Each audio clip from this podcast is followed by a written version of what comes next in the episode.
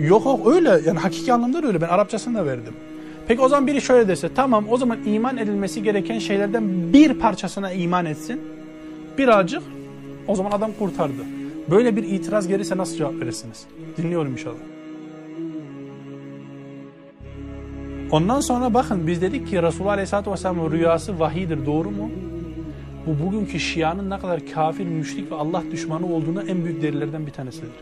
Çünkü adamlar Ömer radıyallahu anhuya karşı o kadar büyük bir kin, o kadar büyük bir nefret besliyorlar ki bugün bile 3 yaşında 4 yaşındaki çocukların ismi Ömer diye çocukları şehit ettiler. Bakın için içlerinde o kadar pislik birikmiş bu insanların. O kadar merhametsizler.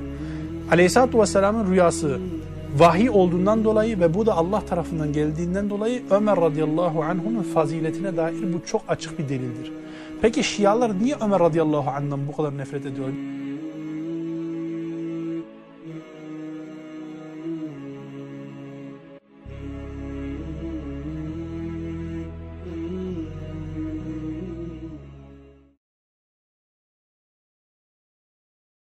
بسم الله الرحمن الرحيم إن الحمد لله نحمده ونستعينه ونستغفره ونعوذ بالله من شرور أنفسنا ومن سيئات أعمالنا من يهده الله فلا مضل له ومن يضلل فلا هادي له وأشهد أن لا إله إلا الله وحده لا شريك له وأشهد أن محمدا عبده ورسوله أما بعد Ahi İsfahan'da bugün yine çok önemli hadisler okuyacağız inşallah.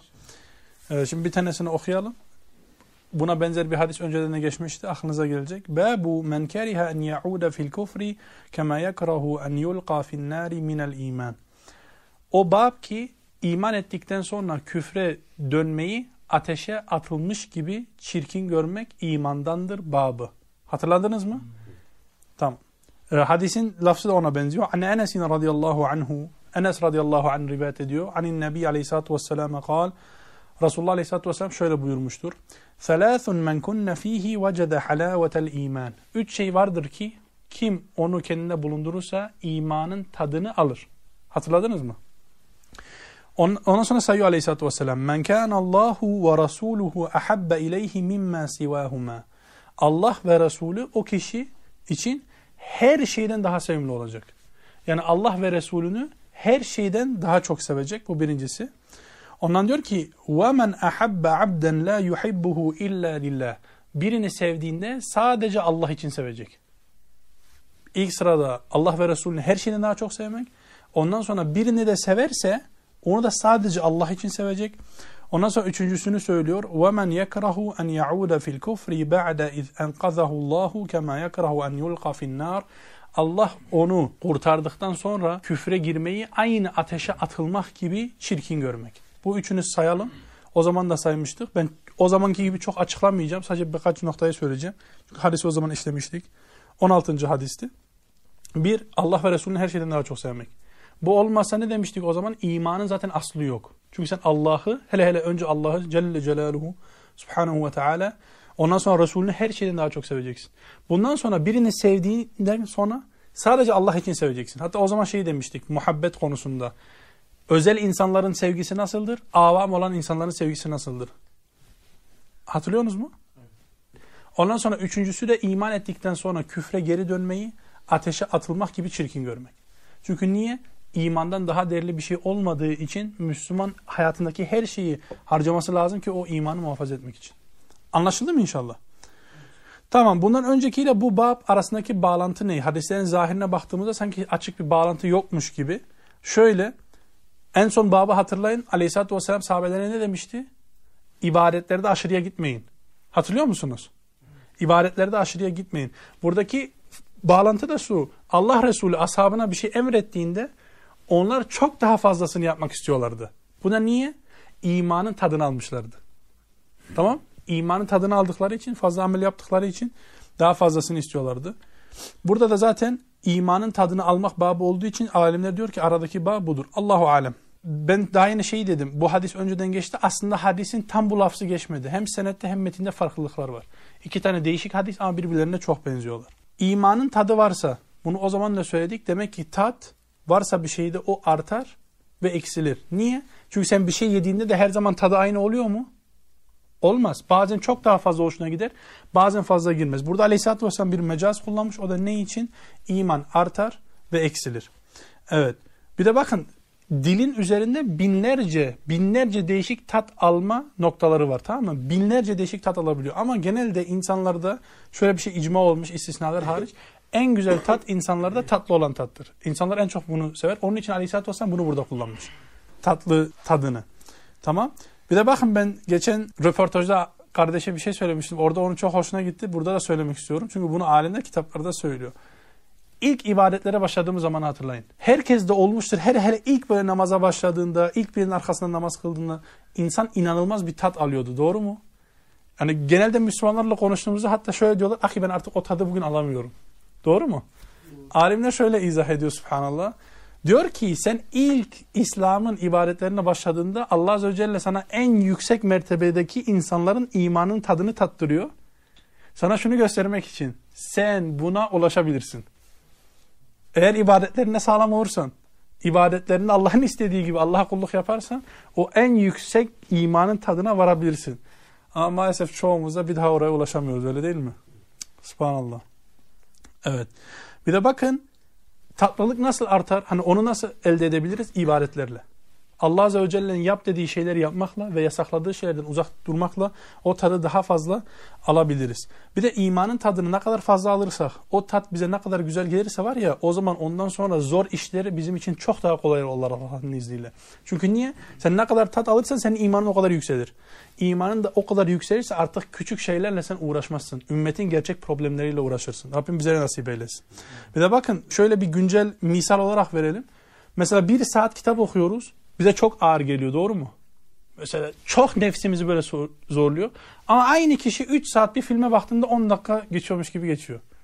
Ya da dışarıda geziyor mesela böyle ahilerle geziyor. Ama yani dünyevi işleri yapıyor, geziyor şey yapıyor. Bir gün bile o bir saatten sanki çok daha çabuk bir şekilde gidiyor. Bu da niye? İmanı zayıf olduğundan dolayı. Çünkü eğer imanımız ahi güçlü olsa, gerçekten imanın tadını alırsak, aynı filme baktığında insanın lezzet aldığı gibi, gezinin lezzet aldığı gibi ibadetlerden daha fazla tat alır. Acayip değil mi? Subhanallah. Evet. Bazıları o tadı şöyle anlatmış. O hani kalp tadı alır, kalbi genişler. Kalbi de nasıl genişlerse içine o kadar iman girer. İçine ne kadar iman girerse adam o kadar fazla amel yapabilir. Tamam. Evet bakın tat ile kalbin veya şöyle söyleyeyim tat ile beynin çok mucizevi bir bağlantısı var. Bir de bakın Resulullah Aleyhisselatü Vesselam bunu ne zaman söylüyor? Ahi 1500 sene önce. Şimdi mesela ben size güncel bir misal vereyim. Çikolata. İnsan çikolata yediğinde beyninde endofin hormonları oluşuyor. O endofin de ne yapıyor biliyor musun? İnsanı mutlu yapıyor. Onun için çikolatayı sevmeyen insan yoktur. Yediğinde beyninde ne yapıyor ahi? Endofin üretiyor. O endofin de mutluluk hormonu. İster istemez sana bir şey veriyor. Tamam Onu da bir kere insan böyle elde ettikten sonra habire böyle yemeye çalışıyor, yemeye çalışıyor. O aynı şeyi şey yapsın diye. Bakın subhanallah burada buna bir ip ucu var resmen. Hani aleyhissalatü vesselam üç tane hiç böyle alakasız olan şeyleri söylüyor. Yani haş alakasız derken sanki ilk baktığında yani tatla ne alakası var? Ama gerçekten insan nasıl yediğinde beyninde belirli böyle hormonlar oluşuyorsa aynısı imanda da var ha. Sen imanını sağlam bir şekilde yerine getirirsen Allah'ın istediği gibi ibadet yaparsan senin kalbindeki aynı o beyinde oluşan hormonlar gibi iman oluşur. Tamam? Tamam. Evet. Bakın şimdi Aleyhisselatü Vesselam burada üç şey saydı diye sadece bunlardan imanın tadı alınır değil. Bunlar önemli olduğundan dolayı Aleyhisselatü Vesselam onu söylüyor. Hatta bakın bir tane hadis var Aleyhisselatü Vesselam diyor ki bir adam gayri ihtiyari mesela bir yere bakırsa, bakarsa, orada bir kadın görürse ve bakışını indirirse diyor ki imanın tadını alır. Anlaşıldı mı? Mesela bir gayri ihtiyari bakın ilk bakış gayri ihtiyari bakış mesela bir kadına bunun günahı yoktur. Bu insan elinde olan değil. Tamam. Aleyhisselatü Vesselam diyor ki tam bunu gördüğünde bakışını indirirse imanın tadını alır. Deneyin Allah'ın izniyle gerçekten Aleyhisselatü Vesselam söylediğini insan gerçekten böyle hissedebiliyor yani. Evet. Bir de bakın bir şey daha söyleyelim ondan sonraki hadise geçelim çünkü bunu zaten işlemiştik uzun uzun. İki şeyle beraber insanın Allah'a karşı imanı artar. İman da ne kadar artarsa ibadetlerden o kadar tat alır. Bu iki şey ne? Ben o zaman da söylemiştim. Birinin aklına geliyor mu? Bak bunu işlemişti bu çok önemli. Ahi bu Allah'ın sevgisi bu aklımıza kalması lazım. Hani eğer böyle çok canlı kalmıyorsa not tutun. Tamam? Birincisi ne? Sen Allah'ı ne kadar tanırsan o kadar çok seversin. Bu da nereden geçer? Esmaül Husna. Allah Azze ve Celle'nin isim ve sıfatlarını ne kadar çok tanırsan Allah Azze ve Celle o kadar seversin. Bir de ikincisi neydi? Bakın bir ayet okumuştuk o zaman. Allah'ın bütün nimetlerini sayarsanız onları sayamazsınız. O kadar Allah Azze ve Celle'nin nimetleri var. Allah Azze ve Celle'nin nimetlerini ne kadar çok hatırlarsak, ne kadar çok farkında olursak, şükredersek Allah'a karşı o kadar fazla sevgimiz artar. Şundan dolayı ahi seni sonsuz nimetlerin içine boğmuş. Bunu tefekkür ettikten sonra kim Rabbini sevmez? Tamam? Tamam. Ondan sonraki hadise geçelim mi inşallah? Evet. Şimdi bu e, okuyacağımız hadis de çok önemli. Şu açıdan mürciyelerin istismar ettiği hadislerden bir tanesi. Bununla beraber bizim müminler için en büyük müjdeleyici olan hadislerden de bir tanesi. Okuyalım inşallah. Babu tefaduli ehlil imani fil a'mal. Diyor ki iman ehlinin yani müminlerin ameller açısından birbiriyle yarışması. İman ehlinin, müminlerin ameller açısından birbiriyle yarışması, birbirine üstün gelme gayreti. Böyle tercüme edebiliriz. An Ebi Said el-Hudri radıyallahu anhu, Ebu Said el-Hudri rivayet ediyor. Anin Nebi aleyhissalatu vesselam'a kal. Resulullah aleyhissalatu vesselam şöyle söylemiştir. Şimdi iyi dinleyin. Yedhulu ehlul cenneti el cennete. Cennet ehli cennete katılır. Ve ehlun nari en nar. Ve cehennem ehli, ateş ehli de ateşe katılır. Aleyhisselatü Vesselam kıyametten haber veriyor. ثُمَّ يَقُولُ اللّٰهُ Teala. Sonra Allah Subhanahu ve Teala şöyle söyler. Şimdi bunu bir tasavvur edin. Allah Azze ve Celle insanları iki gruba ayırdı. İki gruba ayırdı. Cennet ehlini cennete, ateş ehlini cehenneme ayırdı. Ondan sonra Rabbimiz şöyle söylüyor. اَخْرِجُوا مَنْ كَانَ ف۪ي قَلْبِهِ مِثْقَالُ حَبَّةٍ مِنْ خَرْدَلٍ مِنَ iman Min imanin. Kalbinde hardal tanesi iman olanları çıkarın. Cehennemden çıkarın. Allahu Ekber. Az sonra izah edelim. Bakın çok acayip. Bakın adam nasıl çıkıyor şimdi. فَيُخْرِجُونَ مِنْهَا قَدْ اسْوَدُّوا Diyor kömür gibi olmuş. Kömür gibi yanmış bir şekilde oradan çıkacaklar.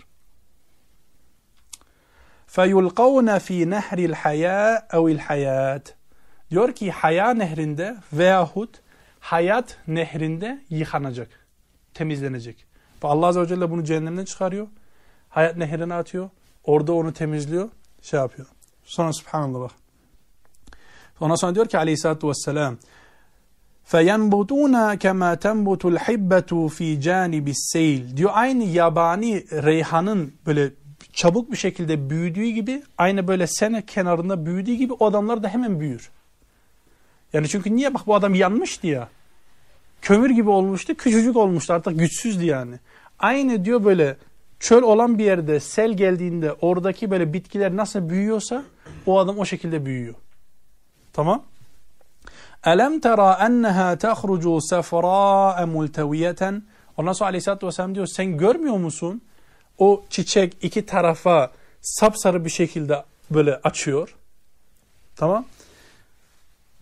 Subhanallah. Yani bir de şey şöyle bir şey ekliyor. Vuheyb şöyle diyor. Kale hardali min hayrin. Daha yani hardal tanesi kadar iman demişti ya. Başka bir rivayette diyor hardal tanesi kadar hayır. İmanı hayır ile tefsir ediyor. Evet şimdi hadisi toparlayalım inşallah. Çünkü çok önemli bir hadis ve akidede bina olan yani asıl olan hadislerden bir tanesi. Çünkü az sonra göreceğiz birçok mezhebe burada reddiye var. Hatta bugünkü mealcilere. Şunu öğreniyoruz. Allah Azze ve Celle insanları ilk başta iki gruba ayıracak. Cehennem ehli cehenneme, cennet ehli cennete. Burada kadar sıkıntı yok doğru mu? Zaten bunu herkes kabul ediyor. Ama ondan sonra Allah Resulü şöyle bir gruptan bahsediyor. Allah Subhanahu ve Teala onları cehennemden çıkaracak. Böyle kömür gibi olmuş, kapkara olmuş onları hayat nehrinde yıkayacak. Ondan sonra aynı böyle reyhan çiçeğinin iki tarafa açıldığı gibi, sapsarı açıldığı gibi bu adamlar da hemen kendine gelecek. Yani o üzerindeki güçsüzlük gidecek. Bu cehennemden çıkarıldıktan sonra. Yani cehennem azabı bu çıkarılmadan önce. Bu sonraki merhaleyi anlatıyor. Bir de bir kere artık cennete ayak bastıktan sonra eskiye dair hiçbir şey kalmayacak. Bitti. Allahu Ekber. Rabbim bunu bize nasip eylesin. Allah Azze ve Celle unutuyor. Çünkü şöyle diyor ki cennete girmeden önce kıskançlık, kin ve ne kadar nefret duyguları varsa Allah Azze ve Celle hepsini alacak. Önceki babla alakası, bu babın daha önceki babla alakası şöyle. Bakın önceki babda üç tane haslet vardı. Doğru mu? Saydık daha yeni. Allah ve Resulünü her şeyden daha çok sevmek, birini seversen sadece Allah rızası için sevmek ve iman ettikten sonra küfre girmeyi aynı ateşe atılmak gibi kerih görmek, çirkin görmek tamam Bunda kim, yani bu hasletler kimde varsa o imanın tadını alır. Öyle söylemiştik. Doğru mu? Peki onda kendisinde olmayan kişiler imanı zayıf olur. Burada zaten Aleyhisselatü Vesselam hangi kişi hakkında konuşuyor? Hardal tanesi kadar imanı olan. Anlaşıldı mı? Demek ki bak kardeş çok güzel fark etti. Ahi bir şeyin azı varsa demek ki o çoğalıp azalır. Ne demek? İman çoğalır ve azalır. Bak müthiş bir delil değil mi İmam Bukhari'den? Subhanallah Allah rahmet eylesin. Yani çok acayip gerçekten. Demek ki o zaman şu da anlaşılıyor. Eğer hardal tanesi kadar imanı olanlar diğerlerine nispeten amel olarak az yapmışlar ki bu böyle olmuş. Demek ne demek? Amel de imandan bir parçadır. Bak ona da delil. Ben size ilk derslerde söylemiştim. İmam Bukhari birçok hadisi ilk başta söylediği teze delil olarak getirecek. Hatırlıyor musunuz? Hatta o zaman ayetlerle başlamıştık. İman nedir? Fiildir ve sözdür. Azalıp eksilir değil mi? Bak ahi kaç tane delil getirdi subhanallah. Kaç tane delil getirdi. Evet. Allahu Ekber. Bakın şimdi hadisin kendi babla alakasını da şey yapalım inşallah. Bakın şöyle bir şey öğrendik. Hardal tanesi kadar olsa bile iman insanı cehennemden çıkarır. Doğru mu? Bunu anladık değil mi? Demek ki az çok diye herkes de bu değişik olacak. Yani herkesin imanı değişik olacak. Buna bir delil daha size söyleyeyim mi? Rabbim ömür verirse o da Bukhari'de gelecek. Cehennemden en son çıkan kişiyle Allah subhanahu ve teala arasında bir konuşma geçiyor. Hatta çok müthiş bir konuşma. İnşallah Rabbim ömür verirse onu yerinde konuşuruz. Tamam? Yani gerçekten çok acayip. Ha ben diyorum Rabbim bizi on, ondan eylesin. Yani o kişi olursa kurtuldun ahi. en son, en son, en son cehennemden çıkıp cennete giden adamın ne kadar cennette yeri var? Çok. 10 tane dünya kadar. en son, en son cennete giren kişi. Rabbim ömür verirse Bukhari'de okuyacağız inşallah. Subhanallah. Hani anlıyoruz ki bazı insanlar bazılarına üstünlük kuracak. Bu da nasıl olacak? Amelle, imanla. Tamam? Evet. Müslim'de bir rivayeti var. Orada Aleyhisselatü Vesselam kendisi söylüyor. Yarım dinar kadar, yarım dinar kadar imanı kalan ateşten çıkarılacak. Allah Azze ve Celle diyecek ki çıkarın onları oradan. Subhanallah. Evet. Bakın e, daha yeni söyledik yine onu söyleyeyim önemli çünkü amellere göre imanın tadı başkası olduğu gibi imana göre insanların çıkış zamanı da değişik olacak. Bu şundan şunu anlıyoruz. İman sadece tasdik olsaydı o zaman zaten herkes cennete girerdi. O zaman cehennemden çıkıp cennete girmenin ne alakası var ki? Doğru mu? Veyahut şöyle cehenneme girse bile günahlarından dolayı iman sadece tasdik olsa azalıp çoğalmasa hepsi aynı anda çıkması lazımdı. Halbuki öyle bir şey söz konusu değil. Tamam. Burada birçok mezhebe karşı reddiye var. Evet. Bakın bazı Müslümanlar direkt cennete girecek. Allah subhanehu ve teala isterse şirkten hariç diğer günahları affeder diye ayet okumuştuk çokça değil mi? Ve yaghfiru ma dun zalika limen yasha. Bunun altında istediğini affeder. Yani sen günahkar bile olsun Allah azze ve celle istese seni yakmadan direkt cennetine alabilir. Bu Allah subhanahu ve teala'nın da faalul lima yurid. O istediğini çokça yapandır. Tamam? Ona sorulmaz ama o başkalarına sorulur.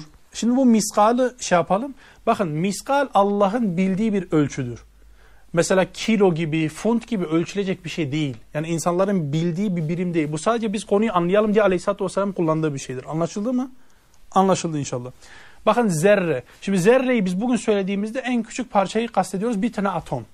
Tamam mı? Bugün biz bunu biliyoruz. Mesela İbn Abbas radıyallahu anhu zerreyi nasıl ifade ediyor? Diyor ki güneşli bir günde sen güneşe baktığında havada uçsan diyor en küçük parçaya zerre diyor. Hani o zamanın tabiriyle öyle tarif edebiliyor. Biz bugün diyebiliriz ki zerre yani en küçük parça bir tane atom. Anlaşıldı mı inşallah? O kadar ahi imanın varsa kurtulacaksın.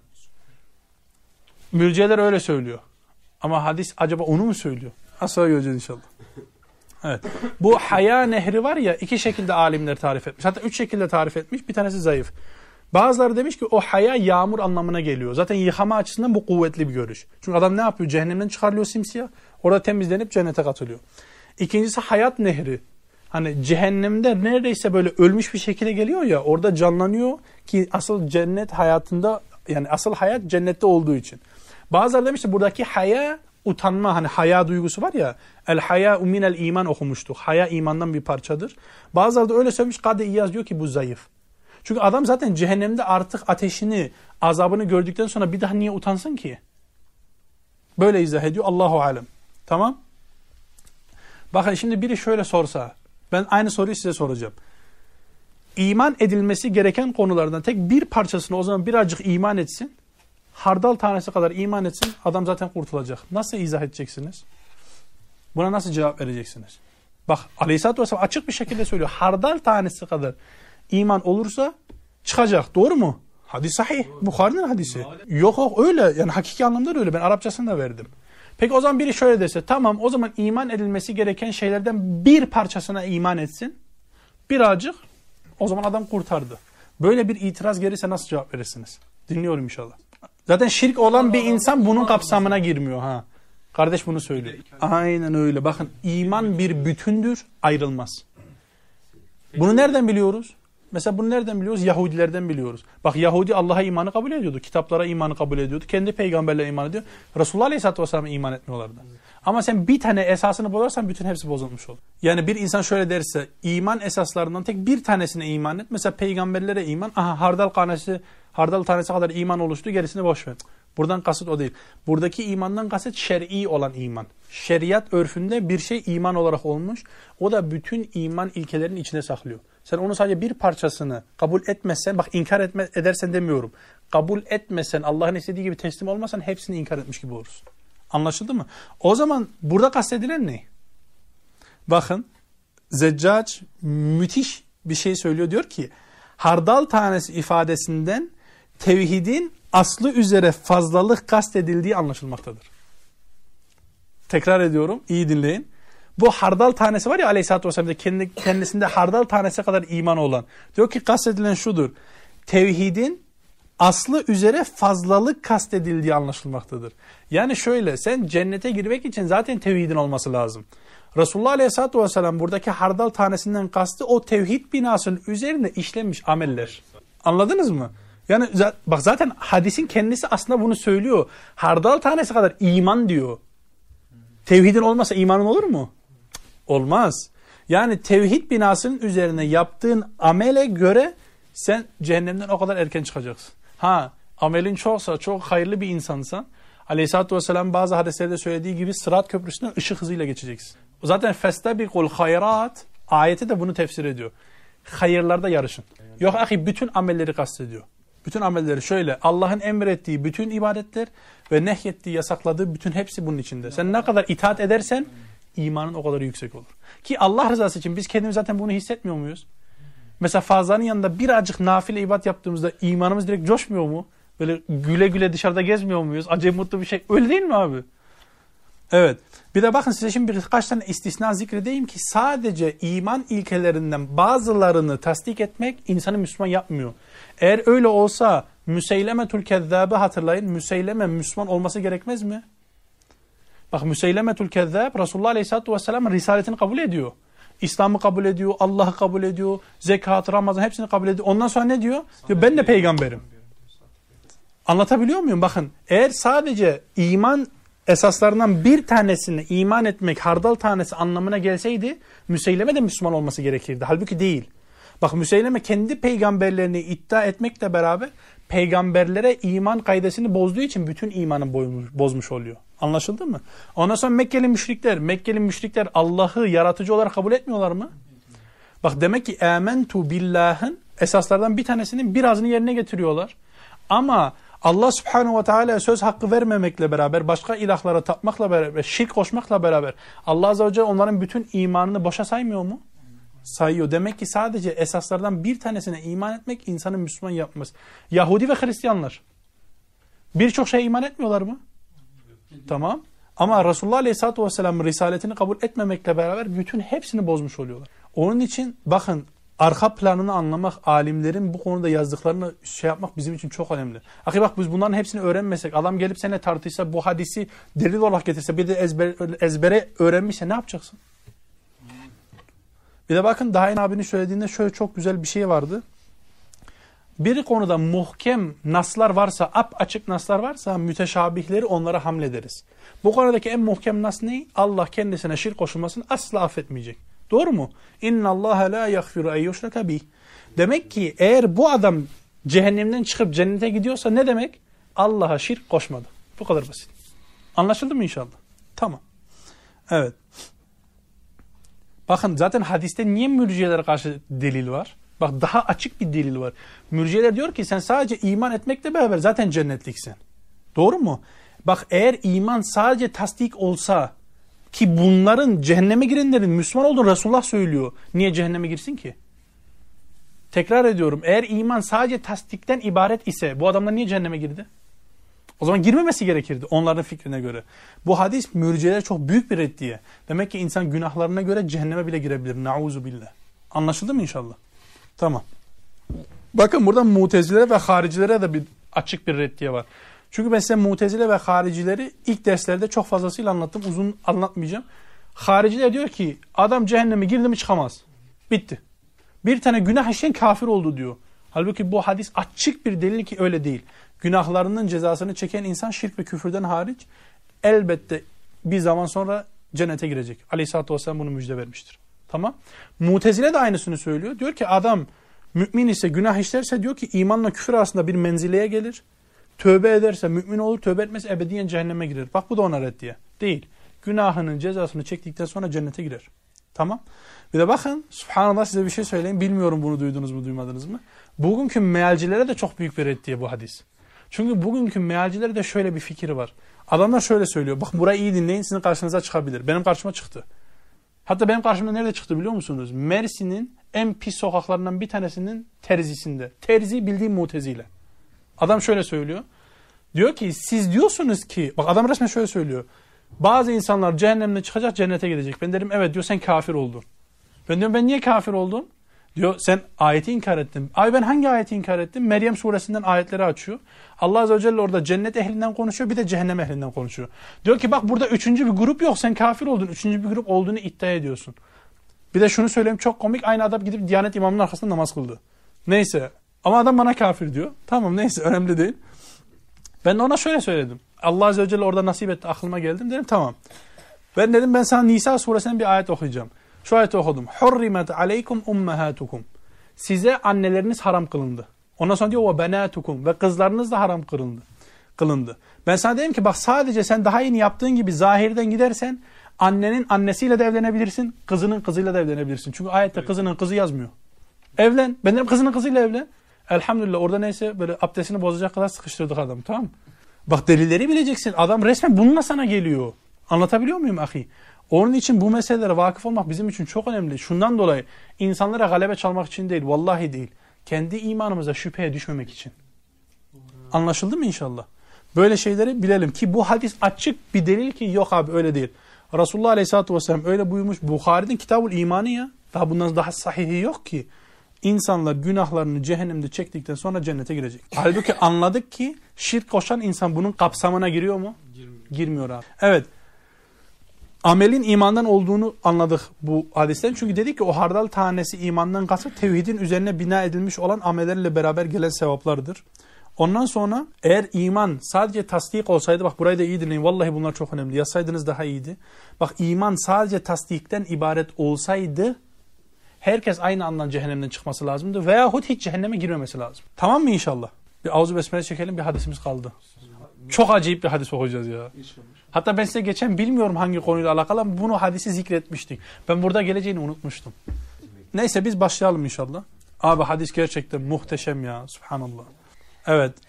Ebu Said el-Hudri radıyallahu anhu yine o rivayet ediyor. Yekul dedi ki ya da dedi. Kale Resulullah sallallahu aleyhi ve sellem. Resulullah aleyhissalatü vesselam dedi ki. Beyne ene naimun. Ben uyurken rüyamda gördüm yani onu kastediyor. Ra'eytun nas. insanlar gördüm. İnsanları gördüm. Yu'araduna aleyye. Bana arz olunuyorlar. Yani benim önüme getiriyorlar. Tamam. Ve aleyhim kumusun. Ve onların üzerinde gömlekler var. Minha men yublugu fuddi.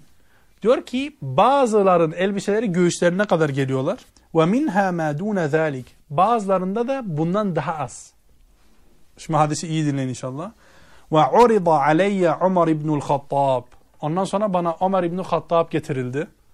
Ve aleyhi kamisun. Onun üzerinde bir gömlek vardı. Yecurruhu. Arkasından sürünüyordu. O kadar uzun arkasından sürünüyordu. Kalu sahabeler dedi ki فَمَا اَوَّلْتَ ذَٰلِكَ ya Resulallah. Sen bunu nasıl tevil ettin ey Allah'ın Resulü? Yani gömleği nasıl tevil ettin? Kal dedi ki aleyhissalatü vesselam din. Din olarak tevil ettim. Bakın çok önemli bir hadis. Göreceksiniz inşallah. Bakın gömlek Aleyhisselatü Vesselam nasıl tevil etti? Din. Din olarak değil mi? İnsanların gömlekleri uzunluğu aynı mı? Değil. Değil. Değişik değişik. Doğru mu? Bir de bundan önce şunu da söyleyeyim. Peygamberlerin rüyası ne? Vahiy.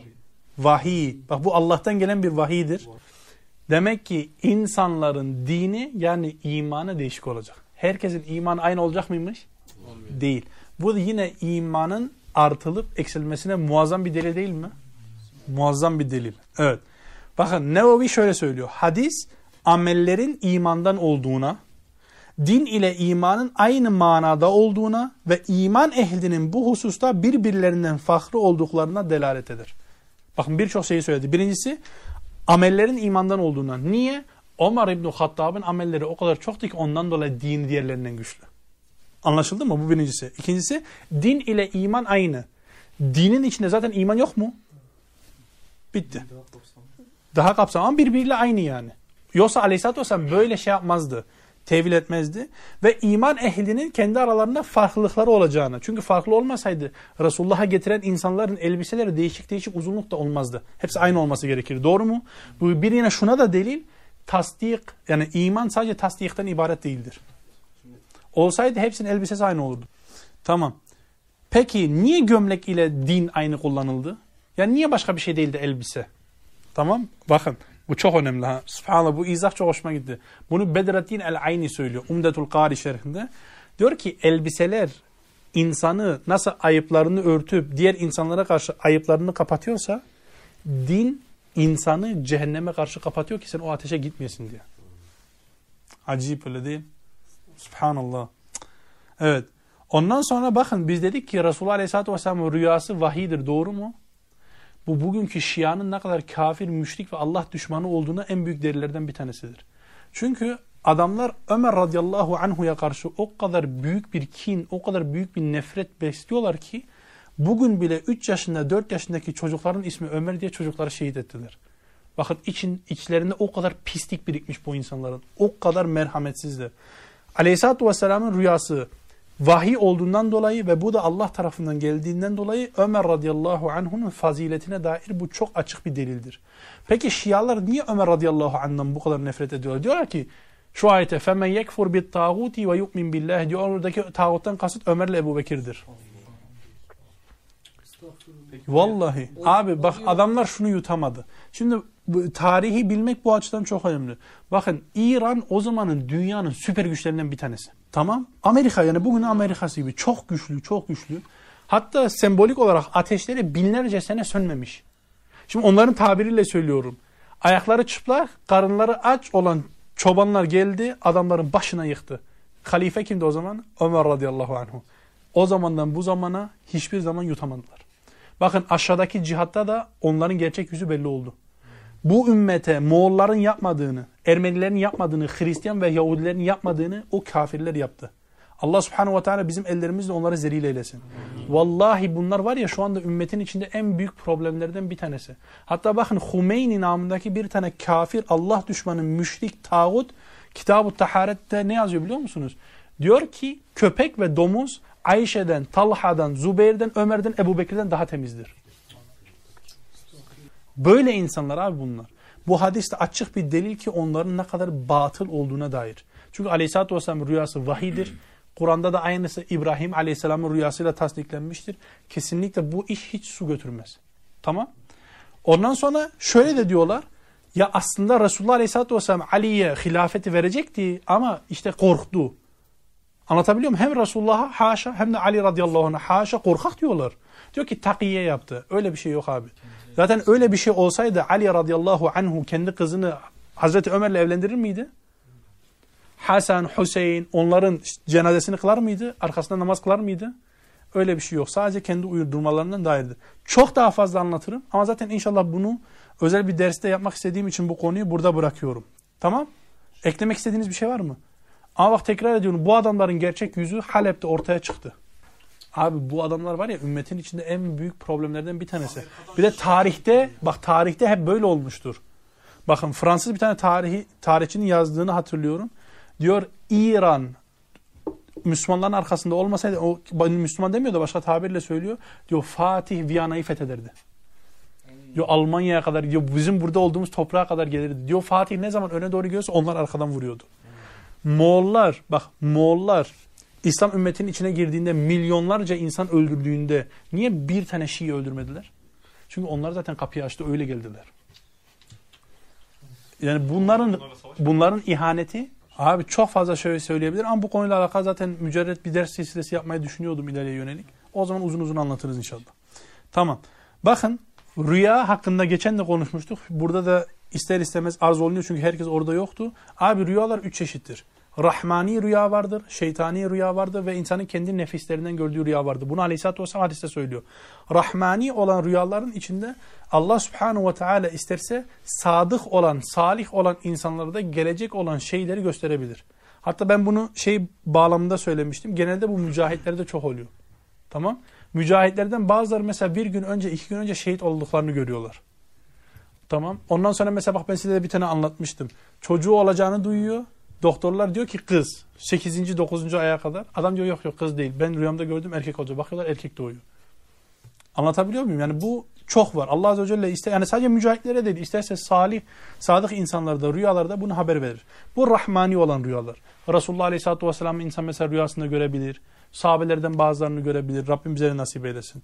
Ama rüyadan daha önemli Rabbim kıyamet günde Aleyhisselatü Vesselam Havuz-u Kevser'den içmeyi nasip eylesin. Ondan sonra şeytani olan rüya var. Mesela bunların içinde cinler var, şeytanlar var. Genelde insanları korkutup ve affederseniz insanlarla cinsel münasebete girdikleri bu bağlama geliyor. Tamam ya çok aşırı bir şekilde korkutuyorlar ya da insanın etkileyeceği şeyleri gösteriyorlar veyahut habire insanlarla cinsi münasebete de giriyorlar. Ben kendim buna şahit oldum. Mesela hasta olan insanlar bunu maalesef çok yapıyorlar. Tamam?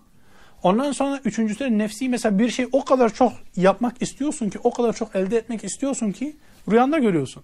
Bu da insanlarda çok olan bir şeydir. Şundan dolayı söylüyorum. Türkiye'deki insanlar rüyalardan çok etkileniyor. Vahiymiş gibi. Mesela bak ben size geçen anlattım ya. Benim ailemden biri rüyasında Adıyaman istasyonunu görüyor. Tamam mı? Diyor beni menzile götür. Kocasını zorla kendisini menzile götürtürüyor. Sanki vahiymiş gibi yani rüyasında görüyor diyor. Anlatabiliyor muyum? Böyle ama kesinlikle öyle değil. Ki bu hadisten görüyoruz Resulullah Aleyhisselatü Vesselam rüyası vahiy olmasına rağmen tam tersi bile olabiliyor. Anlaşıldı mı inşallah? Bakın bu rüyadan şöyle bir hüküm de çıkıyor. Rüya tabir etmek caizdir ve başkasından tabir istemek de caizdir.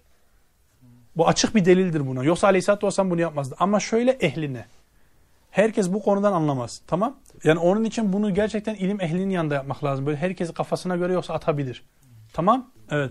Bir de bak şöyle bir şey var. Allah Azze ve Celle isterse gösterebilir ama yine kat'i gayiptan bilgi değildir. Mesela oğlan olduğunu görüyor ama mesela hangi renk olduğunu görmüyor. İsminin ne olduğunu görmüyor. Ne kadar büyük olacağını görmüyor. Anlatabiliyor muyum? Hissediyor sanki. Hissediyor gibisine. İlham gibi yani. Evet. Devam edelim mi inşallah? Bakın bu hadisten yine gördük ki iman ehlinin birbirine üstünlükleri kesinlikle vardır. Amellerle beraberle Allah Azze ve Celle itaat etmekle beraber üstünlükleri vardır. Ve bu rüya bir de neye delildir biliyor musunuz? Mecaz.